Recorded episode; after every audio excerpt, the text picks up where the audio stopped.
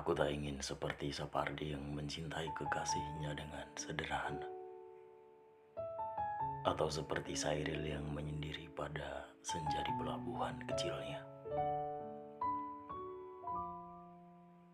Syukurlah tak ada perkara yang berarti malam ini. Oh iya, Dik. Dua batang cerutu melinjo secangkir kopi tubruk yang dibuat Mang Joko di warung ini. Pas racikannya. Tak ada yang berlebihan. Kunikmati kopi munfaridku ini dengan kusuk.